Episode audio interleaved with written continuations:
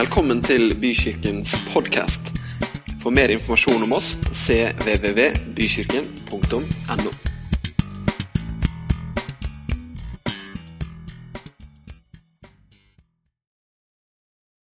Dette er siste, siste søndagen i eh, en femukers runde vi har hatt, som vi har kalt eh, 'Skapt for å leve'. Så har vi hatt ulike undertitler, på det. Og i dag så har vi kommet dit at vi skal snakke om at vi er skapt for å leve sammen. Hvis du ikke skulle ha fått med deg det til nå i gudstjenesten, at det handler om sammen. Det her er noe som, eh, det vi skal snakke om i dag, eh, tror jeg nærmest jeg kan gi en garanti for at alle kommer til å kjenne seg igjen i. Rett og slett fordi at du er et menneske. Det er nemlig sånn at eh, fra vi ser dagens lys for aller første gang, og til lokket legges på, så er vi sammen med andre mennesker. I større eller mindre grad. Det finnes noen mennesker rundt oss, det er noen vi er i familie med, noen snakker til oss, noen ser oss, og noen er sammen med oss. Og så fort du har konstellasjonen ett menneske pluss et annet menneske, så har du grunnstammen i begrepet 'sammen'. En mengde forskning, og til dels bestialsk forskning, i hvert fall hvis vi går en god stund tilbake i tid, underbygger den sannheten om at vi er skapt for å være sammen. Du kan studere antropologi, psykologi, sosiologi, og alle understreker denne viktigheten at vi som individer faktisk henger sammen med noen andre. Og Jeg hørte et råd på radioen her en dag. Det var hvordan man skulle sikre seg en god alderdom. Og da var det, det var vel noe sånt som at du skulle bevege deg litt og spise godt og være sammen med andre mennesker. Det var en av liksom helserådene. For det er nemlig noe utrolig verdifullt i det å være sammen. Rent biologisk så, så, hører vi jo sammen. ikke sant? Jeg har litt familie her, du har noen, noen, familie her eller noen andre steder. Jeg har jo en tante her i dag, til og med. Vi hører til noen. Og Ofte så sier vi at familiebåndene er veldig sterke ved å si at eh, blod er tykkere enn vann. Den sannheten kan vel kanskje modifiseres noe i 2014. I hvert fall så ser vi det at verden, vi mennesker, vi har blitt mye mer individfokusert. Vi har blitt mye mer selvsentrert. Og et sånn tydelig bevis på det er at bryllupsinvitasjonene de har faktisk forandra seg veldig mye de siste årene. For noen år siden så var lista veldig klar når du skulle gifte deg. Det var tante Hjørdis og onkel Gunnar. Jeg vet ikke hvorfor den kom, men den bare kom. onkel Gunnar. Og det var liksom en sånn klar forventning om at de skal selvsagt i et bryllup. I dag, Hvis du ser på invitasjonslisten i dag, så er de ganske godt justert. Venner og andre nære relasjoner har fått plass på invitasjonslista i mye større grad enn før. Nå inviterer man både den gode naboen, den gode kameraten og kollegaen faktisk i bryllup. Så der ser vi en, en endring i begrepet 'sammen', fra bare å være familie til også å strekke seg litt lenger. Jeg får litt sånn gruppeoppgavefølelse når vi sitter her sammen. Eh, vet du. Det er, sånn som ja, men det er, jo sammen. Det er gruppeoppgave. Ja, sånn videregående skole, Nå skal vi presentere det vi har jobbet med de siste to ukene. Gunnar han får sånne følelser når man uh... ja. Det er sånn, sitter sånn ved bordet. Sånn. Men det er hyggelig. Det er fint, da. Dette er jo første gang vi gjør sammen. Uh, og det er veldig spennende og morsomt. Ja. Um, det skulle egentlig vært en naturlig overgang her, men det klarte jeg ikke. For nå er det jeg som skal prate. Men det er greit. Sånn, sånn går det. Men uh, dette med eh, sammen. Du har jo en motpol til det å være sammen, og det er å være ensom eller alene. Jeg vet ikke om dere har fått med dere VG, de har kjørt en litt stor serie på dette her nå, om ensomhet i det norske samfunnet i dag. Der de bl.a. skrev om, om, en pappa som lå tre år alene i leiligheten etter han døde. De, de, ingen hadde sett han på tre år, og det var ingen som brydde seg. Var det en litt sånn kompleks eh, familiesituasjon som førte til dette her, men men når man hører sånne historier Her på Nøtterøy også, ei, ei dame som, som, lå i leiligheten sin i fire måneder. Rett i vårt nabolag. Er det ensomme mennesker? Det finnes ensomme mennesker overalt. Mennesker som ikke har et fellesskap, som ikke har noen å støtte seg på. Én av ti eldre i Norge i dag de har ingen rundt seg. Én av ti. Det er ganske mange. Så dette med ensomhet kontra det å være sammen, det er et stort samfunnsproblem også. Og, vi og jeg kjenner det da, Når jeg får høre om at folk er ensomme, så kjenner jeg at dette er vondt. Dette er trist, for vi er jo skapt for noe annet. Vi er jo ikke skapt for å leve i isolasjon. Vi er skapt for å være sammen, for å bryne seg på hverandre, men også for å få noe igjen da, av andre mennesker. Og Det er vel også derfor vi har dette behovet for å finne et sted å tilhøre. Eh, vi har jo eh, Hvor mange syklubber finnes det eh, i forhold til hvor mange som faktisk syr, f.eks.? Jeg tror det er en sånn Svigerinna mi er i min syklubb. Jeg vet ikke om de syr, det har jeg egentlig aldri spurt om, men jeg tror ikke de syr kjempemye. Vi har idrettslag, supporterklubber, som jeg er jo da en del av. Jeg sier det ikke så høyt for tiden, men Liverpool er jo da laget mitt. Og det, det, er noe med oss mennesker. Vi ønsker å tilhøre noe. Vi ønsker å være en del av noe større av oss enn, enn oss sjøl. Vi ønsker å være liksom, sammen med andre mennesker. Ha felles identitet. Noen sånne knagger å feste livet vårt på som gjør at dette kjenner jeg meg igjen i. Denne personen kan jeg identifisere meg med, og vi er på samme lag. Og så pakker vi jo kirke inn i dette her. Og så eh, tenker man at det også er en slags felles interesse vi har. Det tror, jeg, det tror jeg faktisk mennesker som ikke tror, tenker noen ganger. da. Ja, De samles jo fordi de har en felles interesse. Jesus er en slags felles interesse. Han er ganske mye mer enn det. For, for meg i hvert fall, og for mange av oss som sitter her. så er ikke Gud, Det er, det er ikke en fellesnevner som gjør at vi liksom har lyst til å møtes en gang i uka og snakke litt om temaet eh, Gud eller Liverpool. liksom. Men det er faktisk livet vårt. Det er kjernen i det å leve er grunnen til at vi samles. Det er ikke, det er ikke en tilfeldighet at vi liksom lager en liten forening. Men vi ønsker å møtes for å koble oss enda tettere på det Gud har for oss, og det Gud har for andre mennesker som ikke har møtt ham ennå. Det er derfor vi møtes. Ja. Ja. Skal vi ta en naturlig overgang igjen, da? Jeg tror det. Ja.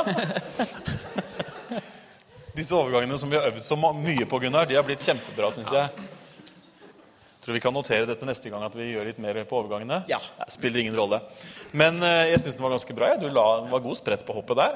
Eh, fordi at eh, Gunnar sier at det er ikke en interesseorganisasjon eller en klubb for spesielt interesserte vi er med i, selv om det kan virke sånn. Når vi ser hva Bibelen sier, og hvordan den beskriver dette fellesskapet som vi faktisk akkurat nå utgjør, så bruker Bibelen noen bilder på det som vi skal se litt nærmere på. Vi skal se på to bilder, og det første vi skal se litt nærmere på, det er at Kirken kalles for Kristi kropp. Fellesskapet mellom de troende, det at vi er sammen, sammenligner Bibelen med hvordan en kropp er satt sammen. Og det er eh, Det, det sier veldig mye mer da, enn en interesseorganisasjon eller en klubb. En kropp er så utrolig mye mer. Vi skal lese sammen i 1. Eh, Korinterbrev 12. Dere får det på skjermen, så dere kan henge med. Og Vi begynner fra vers 12. Eh, ja. Slik kroppen er én, selv om den har mange lemmer, og alle lemmene utgjør én kropp, enda de er mange, slik er det også med Kristus. For med én ånd ble vi alle døpt til å være én kropp, enten vi er jøder eller grekere, slaver eller frie, og alle fikk vi én ånd å drikke. For kroppen består ikke bare av én kroppsdel, men av mange. Om nå foten sier 'fordi jeg ikke er hånd, hører jeg ikke med til kroppen', så er den like fullt en del av den. Om øret sier 'fordi jeg ikke er øye, hører jeg ikke med til kroppen', så er den like fullt en del av den. Hvis hele kroppen var øye, hvor ble det da av hørselen? Hvis det hele var hørsel, hvor ble det da av luktesansen? Men nå har Gud gitt hvert enkelt lem sin plass på kroppen slik han ville det. Hvis det hele var én kroppsdel, hvor ble det da av kroppen? Men nå er det mange kroppsdeler, bare én, men bare én kropp.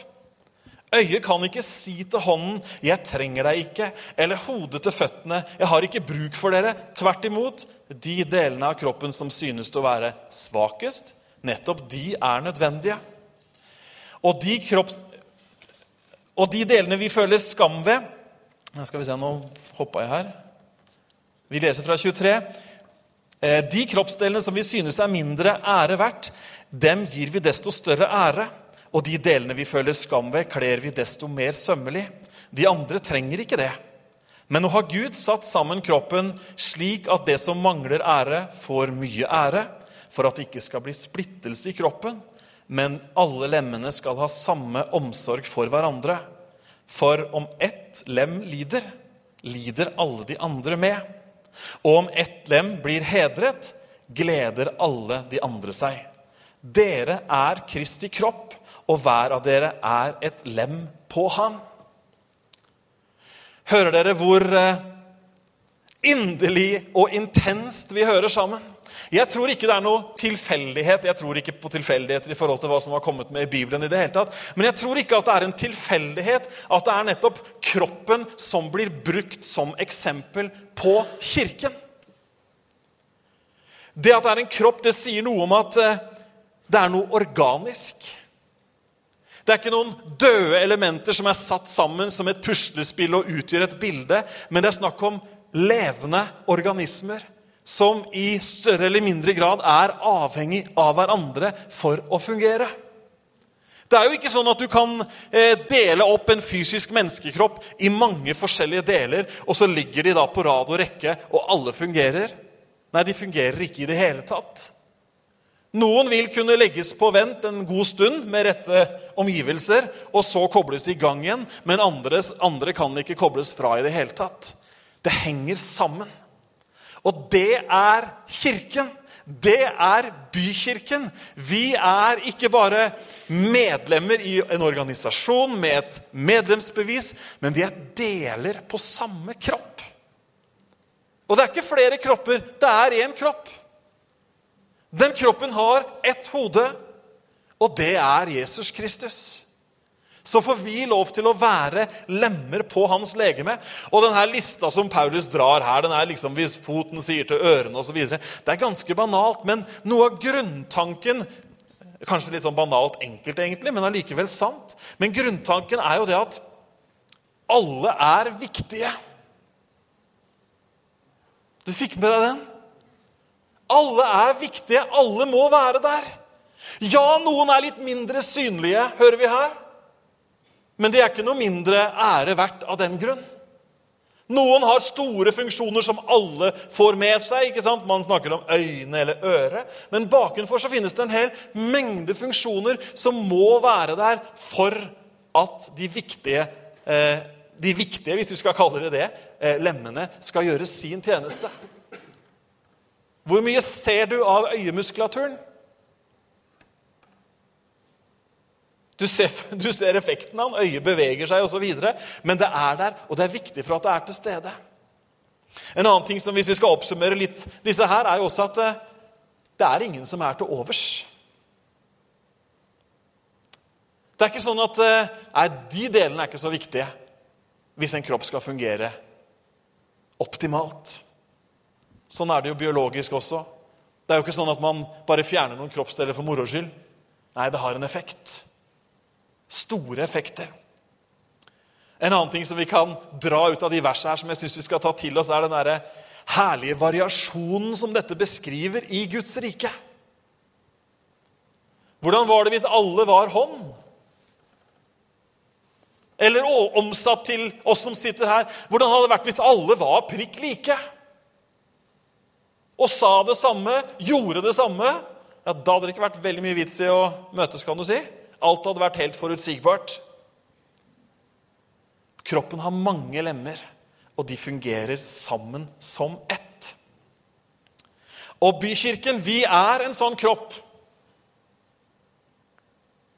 Med mange ulike mennesker, med mange ulike funksjoner. Ikke for å sette de opp mot hverandre, men for å ære hverandre, for å heie på hverandre. For å gjøre sånn at hele kroppen faktisk har det bra. Vet, Veldig ofte så styres vi mennesker, eller i hvert fall påvirkes kraftig, av noe som heter misunnelse. Vi sammenligner oss med noen andre. Kanskje ikke noen som er helt annerledes, men noen som vi kanskje tenker er litt bedre eller litt annerledes. Så sammenligner vi oss med dem. Og så gjør det at vi ikke fungerer sammen i forskjellighetene, men at det heller blir liksom en kamp om hvem er best, eller jeg skulle blitt sånn, osv. Så men vet du hva? Vi trenger hverandre sånn som vi er. Du har en funksjon. At du er her i dag, det betyr kanskje mye mer enn du aner. For du tenker ja, men jeg er jo bare en fot, eller jeg er jo bare et eller annet. Nei, du henger sammen, og den du er, det du har, det påvirker hele fellesskapet. Du utgjør en del av den der helheten. Vi snakker jo om å bygge kirke. Å bygge kirke, det er å få fart i alle lemmene på kroppen. Det er å få funksjonene i gang. Og Vi kan sikkert uh, bruke mange ord for å beskrive drømmen om bykirken. Men den kan i hvert fall oppsummeres som at vi ønsker at denne kroppen her skal bli ship shape og skikkelig arbeidsfør. At du ikke skal være en lik to, eller at du ikke skal være en lam kroppsdel, men at den rollen du har, den skal faktisk komme skikkelig i gang. Det er det Gud har kalt oss til. Ikke til å være sånne kroppsdeler. Jeg ser for meg sånn laboratorium hvor det ligger en finger på glass der og en hånd der. og Mange menigheter som er sånn. Men det har aldri vært ment sånn. Nei, vi er føyd sammen. Og det er det vi snakker om i dag. Skal jeg ta et bilde til, eller? Ja, det Ja. syns jeg du skal. Derfor jeg er her, kan du si. En annen, en annen ting som eh, brukes for å beskrive det fellesskapet som en kirke er, det er at en kirke er et hus. Det vil si ikke det at kirkebygningen faktisk er et hus. Der tror jeg vi har gått på en skikkelig blemme. Det finnes mange flotte kirkebygg rundt om i verden. ikke sant? Jeg hørte med en prest han holdt på å bli gal. Fordi at når medlemmene i kirken hans var ute på tur, så sendte de han postkort med alle mulige kirkebygg. Han hadde null interesse av kirkebygg whatsoever, men han fikk bilde av katedralen her og trekirken der og steinkirken der og holdt på å dåne av alle disse postkortene han fikk med kirkebygg. Og ofte når vi snakker om Kirken, så er det liksom første som slår oss innpå minnebrikka, er liksom høye spir og sakrale bygninger med flott kunst helt opp til taket, faktisk. De ble bygd for å ære Gud, så jeg syns også mange av de kirkene er fine. Men kirken er ikke en bygning i stein eller tre, eller for vår del stål og blekk. Kirken er deg og meg. La oss se på et skriftsted som sier noe om dette her. I Efeserbrevet 2,20 så står det dere er bygd opp på apostlenes og profetenes grunnvoll. Det var godt å vite. Da står vi nok veldig støtt. Med, med, Kristus selv som hjørnestein. Han holder hele bygningen sammen så den vokser til et hellig tempel i Herren. Og i ham blir også dere bygd opp til en bolig for Gud i ånden. I en annen oversettelse så står det at og dere blir sammen med de andre bygd opp til en bolig for Gud i ånden. Hva er en bolig? Hva er et hus? Jo, det er et, en eller annen konstruksjon som gjør at noe kan være der inne, oppholde seg der, lagres der, eller et eller annet. ikke sant? Vi, vi, vet jo alt om dette i Norge, for vi er ganske husfokusert. Vi er ganske bygningsfokusert, for det er både vått og kaldt og mørkt her store deler av året. Men det som er Bibelens virkelige anliggende her, det er at når liksom Torgeir og Stian Kan ikke de komme her? Når vi kommer sammen og det er klart at Hvis vi rekker hendene i været nå, så er vi på kirkespir. ikke sant? Men det var ikke det. Når vi kommer sammen, og det står et annet sted Når dere kommer til Han som er den levende stein, blir dere også gjort til levende steiner. Og vi utgjør en bolig for Gud i ånden. Det betyr at når vi kommer sammen, og kommer sammen med alle dere, da reises det et bygg. Og i det bygget, der vil Guds ånd være. Der vil Gud være med sitt nærvær. Tusen takk, gutter. Dere var veldig flinke på den illustra illustrasjonen. Og skal, Du skal snart få ordet, altså. Men jeg tenker det er så utrolig viktig, for noen ganger så kommer vi og så tenker vi ja, Eller kanskje før vi kommer, så tenker vi er det så farlig om jeg kommer, da? Har jo ikke noe oppgave i dag. Det er ikke noe jeg skal bidra med. Jeg skal bare sitte og høre. Da har du bomma litt. Da har du bomma på hele hensikten. For det at du kommer, gjør at det huset der hvor Gud kan komme og være med sitt nærvær, blir komplett og bygd skikkelig. Derfor er ikke du bare en person som kommer og sitter på en mer eller mindre god stol. Du er en levende stein som utgjør et byggverk der hvor Gud vil være med sitt nærvær. Det er et litt sånn slitt skriftsted som jeg har kunnet siden jeg kan huske tilbake til, det er, at, eller det er når Jesus sier Der hvor to eller tre er samlet Der hvor to eller tre er samlet i mitt navn, der er jeg midt iblant dem. Det er en gigantisk sannhet.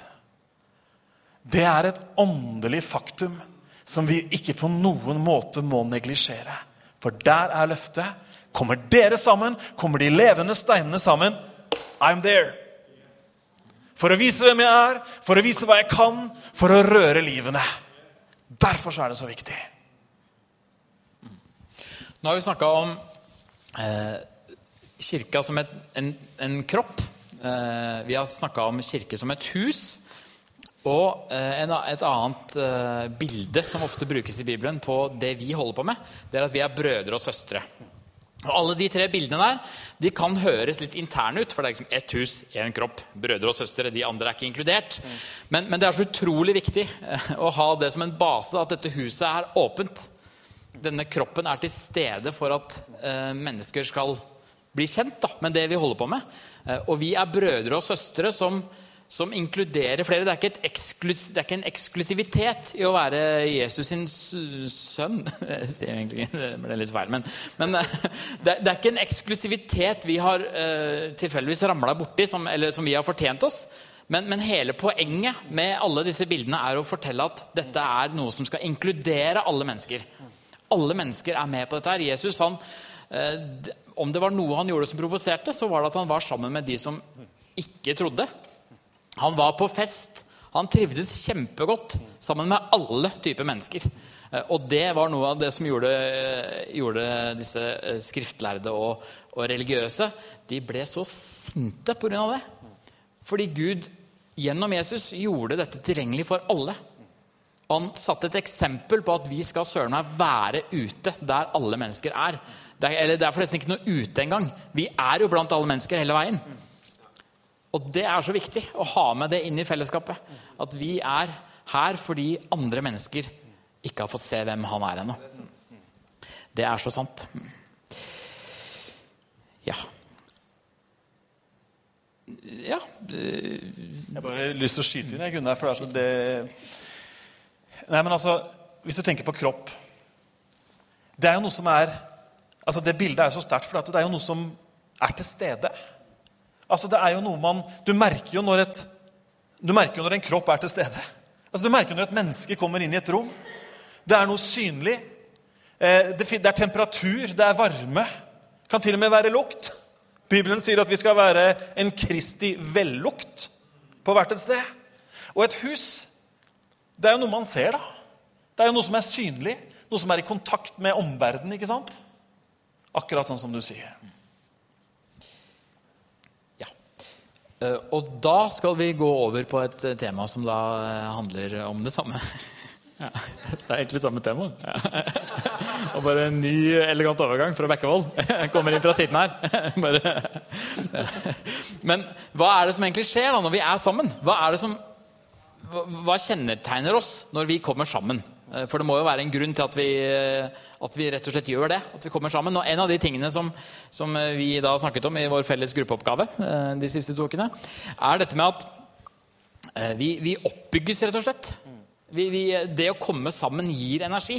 Vi både gir og får energi av å være sammen med andre mennesker. Og I dette temaet, da, når vi snakker om, om det å følge Jesus og det å være en kirke, så, så handler det om å leve ærlig liv. Der vi deler hvordan våre liv er, på en ærlig måte. Det er kjempeviktig, tror jeg, for å få den oppbyggelsen. fordi da kan du faktisk komme med ærlige tilbakemeldinger, gode tilbakemeldinger. Og du kan også være ærlig om hva Gud har gjort i ditt liv. Når jeg får høre hvordan andre mennesker møter Gud, så blir Gud større for meg.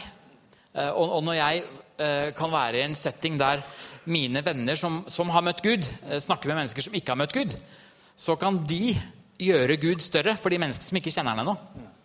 Og Det er noe med det, helt grunnleggende i å faktisk møtes og være sammen. Eh, Ikke bare på søndagene, men faktisk ha en relasjon gjennom hele uka. Det er så viktig. Ja. En annen ting som skjer når vi kommer sammen, er at vi, vi oppdager nye sider av Gud. Et eksempel på det. Eh, I Life-gruppa som, som jeg går, så hadde vi en runde med de som var med der, hvor vi fortalte troshistorien vår. Eller livshistorien, om du vil. Det var noen av de som var lange, i hvert fall. Men, og, men det, var ikke, det var ikke kjedelig lenge. Det var veldig bra. Fordi at gjennom å høre hva et annet menneske kunne fortelle fra sitt liv, så ble Gud mye større for meg. For jeg hørte hvordan Gud hadde f.eks. nådd Frank, som sitter der, som er i life-gruppa mi. Det var liksom bare sånn Ok, Han kunne gjøre det sånn ja, med en urban tenåring som virkelig hadde liksom eh, skyvd den til side. Han klarte å nå han også. Det gjør noe med troen min. Så hører jeg et annet vitnesbyrd fra en annen, en annen troshistorie fra en annen i life-gruppa mi, som har vokst opp i en annen del av Europa under ganske tøffe kår. Wow, Bildet mitt av Gud blir ok. Han holder i de omstendighetene også. ikke sant?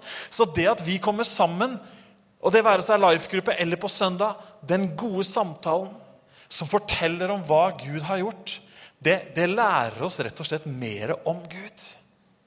Derfor er historien vår om Gud i vårt liv utrolig sterk. For den påvirker ikke bare vår hverdag, men den taler også inn i andre menneskers hverdag. Dine ord de har effekt utover din hverdag. De når også inn i andre menneskers hverdag når du forteller det. Bare et bibelvers som, eh, som er så bra på det der, i åpenbaringen. Skal vi ikke ta hele åpenbaringen i dag? Det vi ikke, har vi ikke tid til. Men, men der er det snakk om den kampen som de troende står i. Og så er det nevnt to ting som den troende faktisk opplever seier ved. Det står 'og de seiret over han', altså djevelen, i kraft av to ting. Lammets blod. Og her kommer mitt poeng. Deres, ords, deres vitnesbyrds ord. Altså det de fortalte. Det de sjøl hadde opplevd. Så vi ser nye sider ved Gud når vi kommer sammen, og vi får det ikke til hvis ikke vi kommer sammen. Så tenker jeg at Gud er så stor at han, eh, han må bruke mer enn mitt liv for å fortelle det. Det er noe med å liksom Vi blir slags små puslespill da, eller eh, eh, små bildebrikker i en svær mosaikk. Der det sammen forteller noe om hvem Gud er. Det er kult. Eh, En annen ting eh, som jeg tror er viktig å tenke på når vi eh, møtes som kirke, det er det at det, det skaper en felles historie.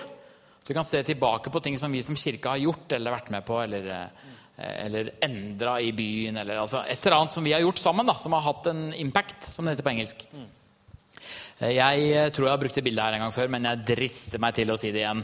Eh, For jeg var med i en kirke i Oslo for noen år siden, eh, og vi var ikke mange. Vi var 10-15 stykker. Eh, Og så fikk vi eh, lyst til å være med på et kulturarrangement som eh, kommunen arrangerer. Der de setter opp eh, noe som heter Elvelangs, der du da skal gå gjennom Ikke gjennom Akerselva, for det har blitt litt kaldt, eh, men langs Akerselva. Helt fra toppen oppe i Nydalen, og så kommer du helt ned til, eh, til bykjernen. Og der i løpet av disse så er det noen sånne poster der man kan få oppleve litt kulturelle ting. Det var et kor som sang, og så var det noen som sjonglerte med noe fakkelgreier og sånn forskjellige ting. Vi gjorde ingen av de tingene. Eh, Vi fant ut at eh, vi hadde lyst til å bare ha en sånn kafé, gratis kafé der vi ga, ga bort kakao. Det tenkte vi det hadde vært hyggelig. Og så fikk vi lov til det av kommunen. Så vi stilte opp med vi var vel ti stykker. Som gjorde dette her. eh, Og vi hadde ikke noe sånn, vi, vi skrev bare 'gratis kirkekaffe'. Eller 'kirkekakao'. skrev vi. Gratis kirkekakao. Eh, Og så stopper det jo da 500 mennesker i løpet av denne kvelden. Eh, Så vi fikk litt sånn skyldtrafikk. Hadde ikke helt løst dette med hvordan vi skal vaske kopper, for eksempel. For det måtte vi nemlig gjøre. Nå ble det veldig detaljert, merka jeg. Men vi måtte, vi måtte ha engangskopper, dere! Og du og du, hvor slitsomt det var. Nei, vi kunne ikke ha engangskopper, fordi det, det kunne kastes og greier. Litt sånn rotete del av, eh, av gruppeoppgaven. her. Eh, Men det er alltid det i en sånn gruppeoppgave. videregående skoler. Det er alltid litt sånn rotete et sted. Og det er meg, da. Eh, Det er det. Ja. Kanskje derfor jeg har den følelsen, og du ikke har den følelsen. Men i hvert fall så, så delte vi ut disse kakaokoppene, og det var ikke sånn at det liksom, oi, forandra livet til halve Oslo. Men det var noe vi gjorde sammen, og vi var så stolt av det etterpå. Her har vi faktisk bare gitt litt kjærlighet i form av kakao, og folk syntes det var fantastisk å få gratis kakao.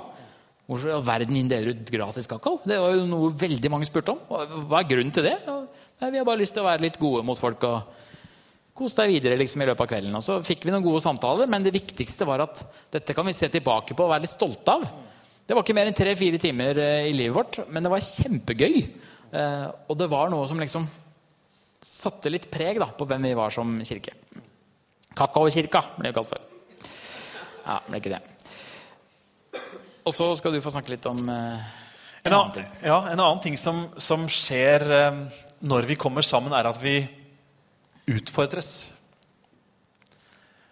Det er jo veldig enkelt når man skal gjøre en ting aleine, for da har man seg sjøl å ta hensyn til. Men så fort man blir flere på samme arena, så kan det være utfordrende. Vi kan få Vi har for I forberedelsen av dette så har vi testa ut alle åndens gaver, i åndens frukter, i, eh, mente jeg, åndens frukter i livene våre. Om det var noe tålmodighet, overbærenhet og osv. Men i alle fall, det skjer når vi kommer sammen så, så, utfordres vi. Ikke bare sånn i forhold til eh, mellommenneskelig slipning ved å, å, å, å, jobbe tett, men også i forhold til det å ta ansvar. Det er sånn med kroppen at hvis ikke beina mine gjør jobben sin, så sliter resten. Da blir det veldig lite fart, f.eks. Og sånn kan du dra Det er veldig stor fart i dem, nemlig. Og sånn kan du dra parallellen også over til menighet. At det å være i menighet, det å være i kirken, der ønsker vi også at du skal oppleve at du blir utfordra til å komme i funksjon. Og Det handler også om det siste som jeg har lyst til å si litt om. i forhold til Hva er det som skjer når vi kommer sammen? For Det som skjer når vi kommer sammen, er faktisk at du får en mulighet til å bruke den gaven du har, på rett sted. Det handler om at du får leve ut det kallet som du har over livet ditt. Gud han har gitt hver og en av oss gaver. Bibelen kaller det også nådegaver. Han har gitt oss ting som vi har fått. Ikke for at vi skal ha det for oss sjøl, men for at vi skal gi det inn i fellesskapet, inn i kirken, og være med og bygge hverandre opp på den, den troen vi har. Og Vi skal bare se et vers som står i Hebreerne 10,24, som handler faktisk om akkurat dette her. Hebreerne 10,24 kommer nå om et lite øyeblikk, så du kan få lese det, du også. Der står det Og la oss se til hverandre. For å tilskynde til kjærlighet og gode gjerninger. Og la oss ikke svikte vår egen forsamling slik noen pleier å gjøre, men la oss formane hverandre som dere ser at dagen nærmer seg. Det handler om å bruke funksjonen vi har. Her har vi mennesker i dette rom nå som er fantastiske til å gi oppmuntringer. Det trenger de andre at du gjør, du som har den gaven. Vi har mennesker her som har ulike utrustninger på ulike måter. Det kan være praktiske ting, det kan være åndelige ting. Det er litt morsomt Når Paulus driver og snakker om gavene, eh, så er det ofte veldig sånn systematisk, men i andre kor der hvor vi var i sted, der har han en hel rekke hvor han nevner, nevner apostler og profeter sammen med de som styrer og organiserer og administrerer i samme smørbrødlista. Etter at han har snakka om alle lemmene på kroppen. Hvorfor? Jo, fordi at du har noe. Du har et talent, du har en gave. Det trenger ikke å være det du er utdanna som. Det Kan være noe helt annet, faktisk. Men kirken skal være den arenaen hvor gaven din møter behovet hos andre mennesker. Hvor du får leve ut kallet ditt. Det er vår bønn og vår drøm. At folk blir med, kobler seg på i bykirken, og så opplever de at de røttene de har, for å gå litt over i den verden, de finner vann. Og så spirer det, og så gror det, og så får man vokse fram til modenhet i den gaven Jesus har for oss. Det er veldig bra.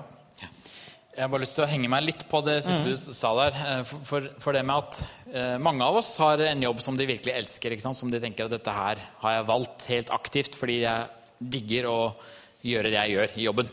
Om det er å snekre, eller om det er å eh, leke metall. Eller det er kanskje ikke det de gjør, de som driver med regnskap.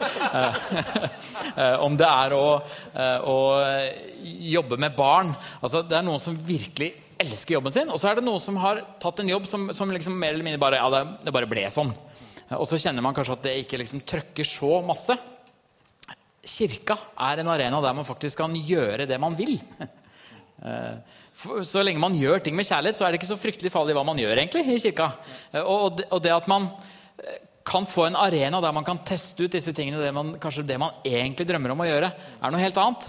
Kirka har plass til det.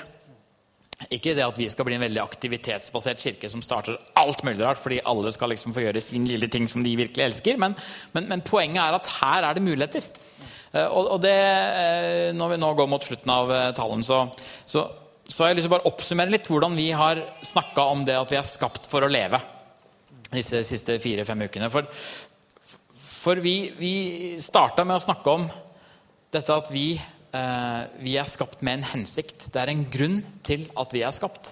Det er ikke tilfeldigheter som gjør det. Eh, det er ikke sånn at vi bare skal eh, sveve rundt, eller at, eh, at eh, det bare liksom skjer det samme hver eneste dag. Men det er en hensikt, det er en grunn til at du lever. Gud ønsker at du skal være kobla på Han. eh, Både for å kjenne hvor, eh, hvordan det er å være i kontakt med skapelsen, men også for at du skal få mest mulig ut av ditt liv. Det andre vi snakka om, det var at eh, kristenlivet må eh, være litt mer fylt av risiko. Det at vi eh, liksom, det er litt samme sjangeren da, som den første, første praten vi hadde. at Hvis livet liksom bare, bare seiler av gårde, så, så er det ikke så lett for Gud å gripe inn og gjøre noe i ditt liv. eller gjøre noe gjennom deg. Men hvis man tar litt sjanser i livet, det er da Gud får spillerom. Eh, vi vi snakka om noen bibelhistorier som forteller det. At det er faktisk da det skjer noe. Det tredje vi snakket om, det var friheten Gud har gitt oss. Gud er ikke bud og regler, først og fremst, men han har satt oss fri fra de tingene vi sliter med i livet. Fra de tingene som binder oss. Det ønsker Gud å hjelpe oss med å bli kvitt. Det er ikke sånn at Han ønsker å dynge på oss mer ting for at vi skal få det enda verre. Han ønsker å sette oss fri. Og så snakka vi til slutt om det at vi er skapt for å skape. At våre liv eh, er, eh, er et bilde av, eh, av det Gud gjorde. Altså Vi var skapt i Guds bilde. Han ønsker at vi skal bruke våre liv, at vi skal skape en framtid i våre liv og i andres liv ved å aktivt ta tak i livet våre. Og så snakker vi nå om å gjøre dette sammen. Alt dette her kan vi faktisk gjøre sammen i kirka. Sammen i bykirka. Jeg har litt lyst til at vi alle sammen skal bare reise oss opp. Eh, Og så er det sånn at det første trikset for å være sammen Vet dere hva det er? Det er å faktisk møte opp. Når man møter opp, så er man automatisk sammen. Nå er vi sammen i dette rommet fordi du kom. Hvis ikke du hadde kommet hit, så hadde ikke du vært sammen med oss nå. Det er en sånn grunnleggende greie. Det må til. Vi må møte opp for å være sammen. Og det er så viktig, det har vi vært innom, det at, det at vi gjør kirke, det, det handler ikke bare om å eh, altså det, det handler ikke bare om å få, men det handler faktisk om å gi. Det at du kommer, det betyr så mye.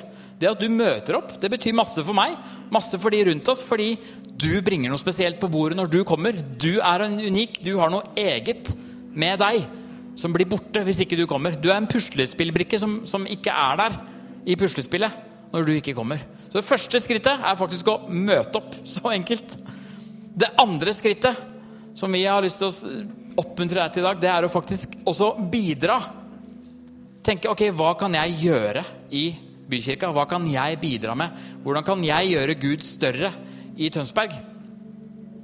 Still deg de tankene, de spørsmålene. Tenk hva er det jeg egentlig kan gjøre? Hva, hva, hva må til for å gjøre det? Det er den tredje tingen. Hva, hva, hva må du sette av tid til i livet ditt for at Gud kan få større plass? Der du kan ta sjanser i livet, der du kan bety noe for andre, der du kan være med å forme andres fremtid. Hva må jeg faktisk gjøre i livet mitt da? Det jeg må gjøre, det er å sette av mer tid til mennesker. Jeg må sette av mer tid til de som ikke tror, og de som tror. Jeg må åpne livet mitt mer. For det er det livet handler om. Det er å være sammen. Det er å kunne ta og gi, og kjenne på hva, hva en relasjon skaper. Både av frustrasjon, men også mest av glede. Det at vi faktisk går gjennom livet sammen, og at vi er der for hverandre, det er noe av det aller viktigste vi kan, kan gjøre. Så jeg har bare lyst til å be en bønn egentlig på vegne av alle oss nå. Eh, det er, kjære Jesus, vi har ikke så mange år på denne jorda her. Og tida den bare flyr fra oss. Det er så utrolig mye å fokusere på mange ting som tar fokus fra livet vårt. Men Gud, i dag så kommer jeg til deg og så sier jeg at jeg vil være sammen med deg. Jeg vil være sammen med de menneskene som er her. Og jeg ønsker at vi sammen skal få se at du fins i Tønsberg i dag. At du ønsker en endring. At du ønsker at mennesker skal få oppdage hvem du virkelig er. Og så har du gjort det så genialt at vi får lov til å være med på det. At vi ikke bare skal stå og se på, men at vi kan bruke våre liv, vår tid, vår prioritering på at mennesker skal få bli kjent med deg. Og at vi også skal få komme tettere på det du har for oss, og det du er for oss. Så hjelp oss som kirke til å gjøre det, da. Til å sette deg først, og sette mennesker først. Og så får vi se hvor mye vi får igjen for det. For det er ikke lite. Takk skal du ha for det, Jesus. Amen.